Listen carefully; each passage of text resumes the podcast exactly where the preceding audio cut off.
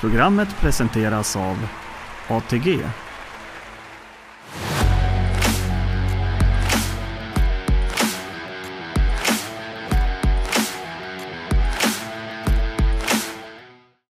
Hjärtligt välkomna till Hela potten, programmet som ska göra dig till en ensam vinnare på Grand Slam 75.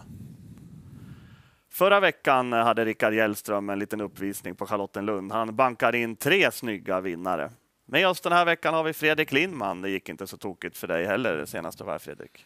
Nej, precis. Det var i Boden där, för eh, två veckor sedan blir det. Ehm, så satte vi ju spiken vann Olle Hålleryd och även skrällen vann ju Love You Eky där till, till glada odds. Så att, eh, ja, verkligen toppform för programmet. Toppform för hela potten. Och eh, nu ska vi till Karlstad, Färjestad. Hur ser deras omgång ut? Ja, men jag tycker den ser eh, intressant ut. Det är öppna lopp. Eh, det kommer några bidrag från Norge, både tränare, kuskar, hästar, eh, vilket till, tillför ytterligare en dimension till tävlingarna.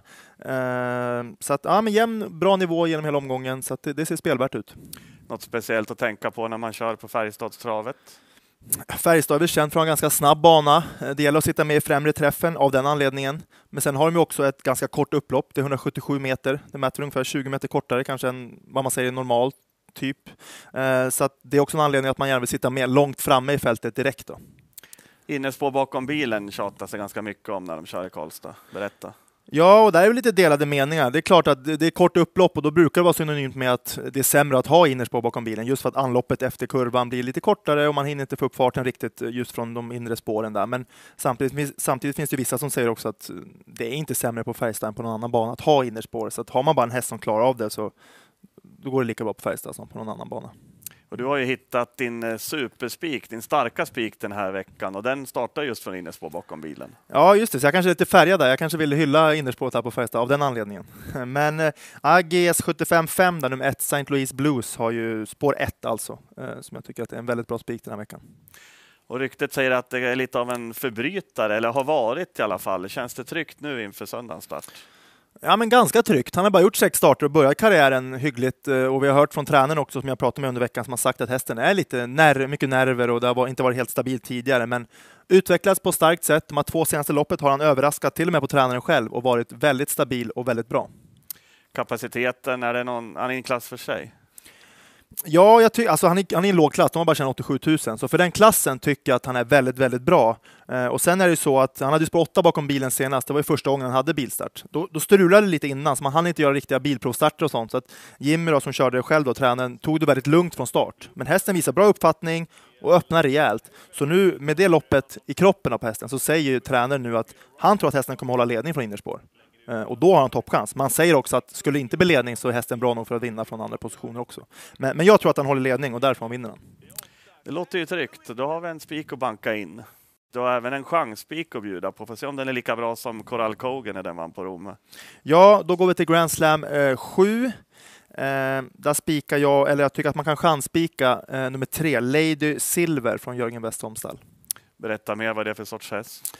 Ja, men hon, hon har faktiskt bara vunnit ett lopp, så det är ingen eh, vinnartyp eh, i den bemärkelsen. Men eh, hon har alltid gjort bra lopp tycker jag. Hon visar inte alls några tendenser på att vara någon avläggare eller att hon ska bara liksom inte vilja vinna lopp, utan tvärtom. Hon går alltid bra, men har inte haft den riktiga turen bara i loppen. Stallformen? Ja, jag tycker de går bra, Jörgens hästar. Lady Silver har visat färsk form. Hon kanske inte syns i raden, men senast spurtade hon jättebra. 11,5 sista 600 ute i fjärde spår. Det klaffade inte då. Samma sak gången innan. 11,5 sista 700 då ute i vida spår. Kom lite för sent. Hon går med full fart över mål varje gång. Så jag tycker att eh, nummer tre, Lady Silver, GS75 7, är verkligen definitionen av att vara liksom bättre än raden och, och stå på tur för seger. Eh, dessutom ett bra läge. 2640 meter tror jag också är, är en fördel för Lady Silver. Spännande. Och eh, Stall Westholm har du använt dig av även när du har hittat din stora Grand Slam-idé. Ja, lite samma sak här som med Lady Silver. Här pratar jag om nummer sju, Nine Points Lasse i GS75 6. Han har inte heller någon jätterolig rad, men jag vet att kapaciteten är hög. Och de här två senaste loppen nu så har hästen faktiskt gått väldigt, väldigt bra. Spurta bra senast, full fart över mål, eh, mellan hästar, drog aldrig norsken eh, där, så det var mycket krafter kvar. Gången före var det en störning på upploppet, krokade upp en konkurrent, klarade det, skötte sig och gick med full fart över mål då också. Så även nummer 7, Nine Points Lassar, GS756, är mycket bättre än vad raden visar. Jag vill minnas att han var en riktig unghäststjärna. Va? Han har visat väldigt höga toppar och gjorde tidigt som tre och fyraåring, men har hela tiden dragits med att han har varit osäker. Galopperat mycket, strulat mycket. Så att den här femåringen, han har tjänat 800 000, det är ju bra, men han, är, han har kapacitet för att tjäna ännu mer. Och nu när han har varit stabil på sistone så vågar jag tro mycket på honom eh, den här gången. Ett givet streck. Absolut. Då är det dags att eh, sammanfatta Fredrik Lindmans eh, tips. Och bästa spiken är då nummer ett, St. Louis Blues i GS 75 avdelning 5. Chansspiken hittar vi i Grand Slam avdelning 7 och det är nummer 3, Lady Silver. Och Grand Slam-hästen är nummer 7, Nine Points Lasse i Grand Slam 75 avdelning 6. Och då tackar vi tittarna och eh, nästa söndag då ska vi till eh, Rättvik i Dalarna.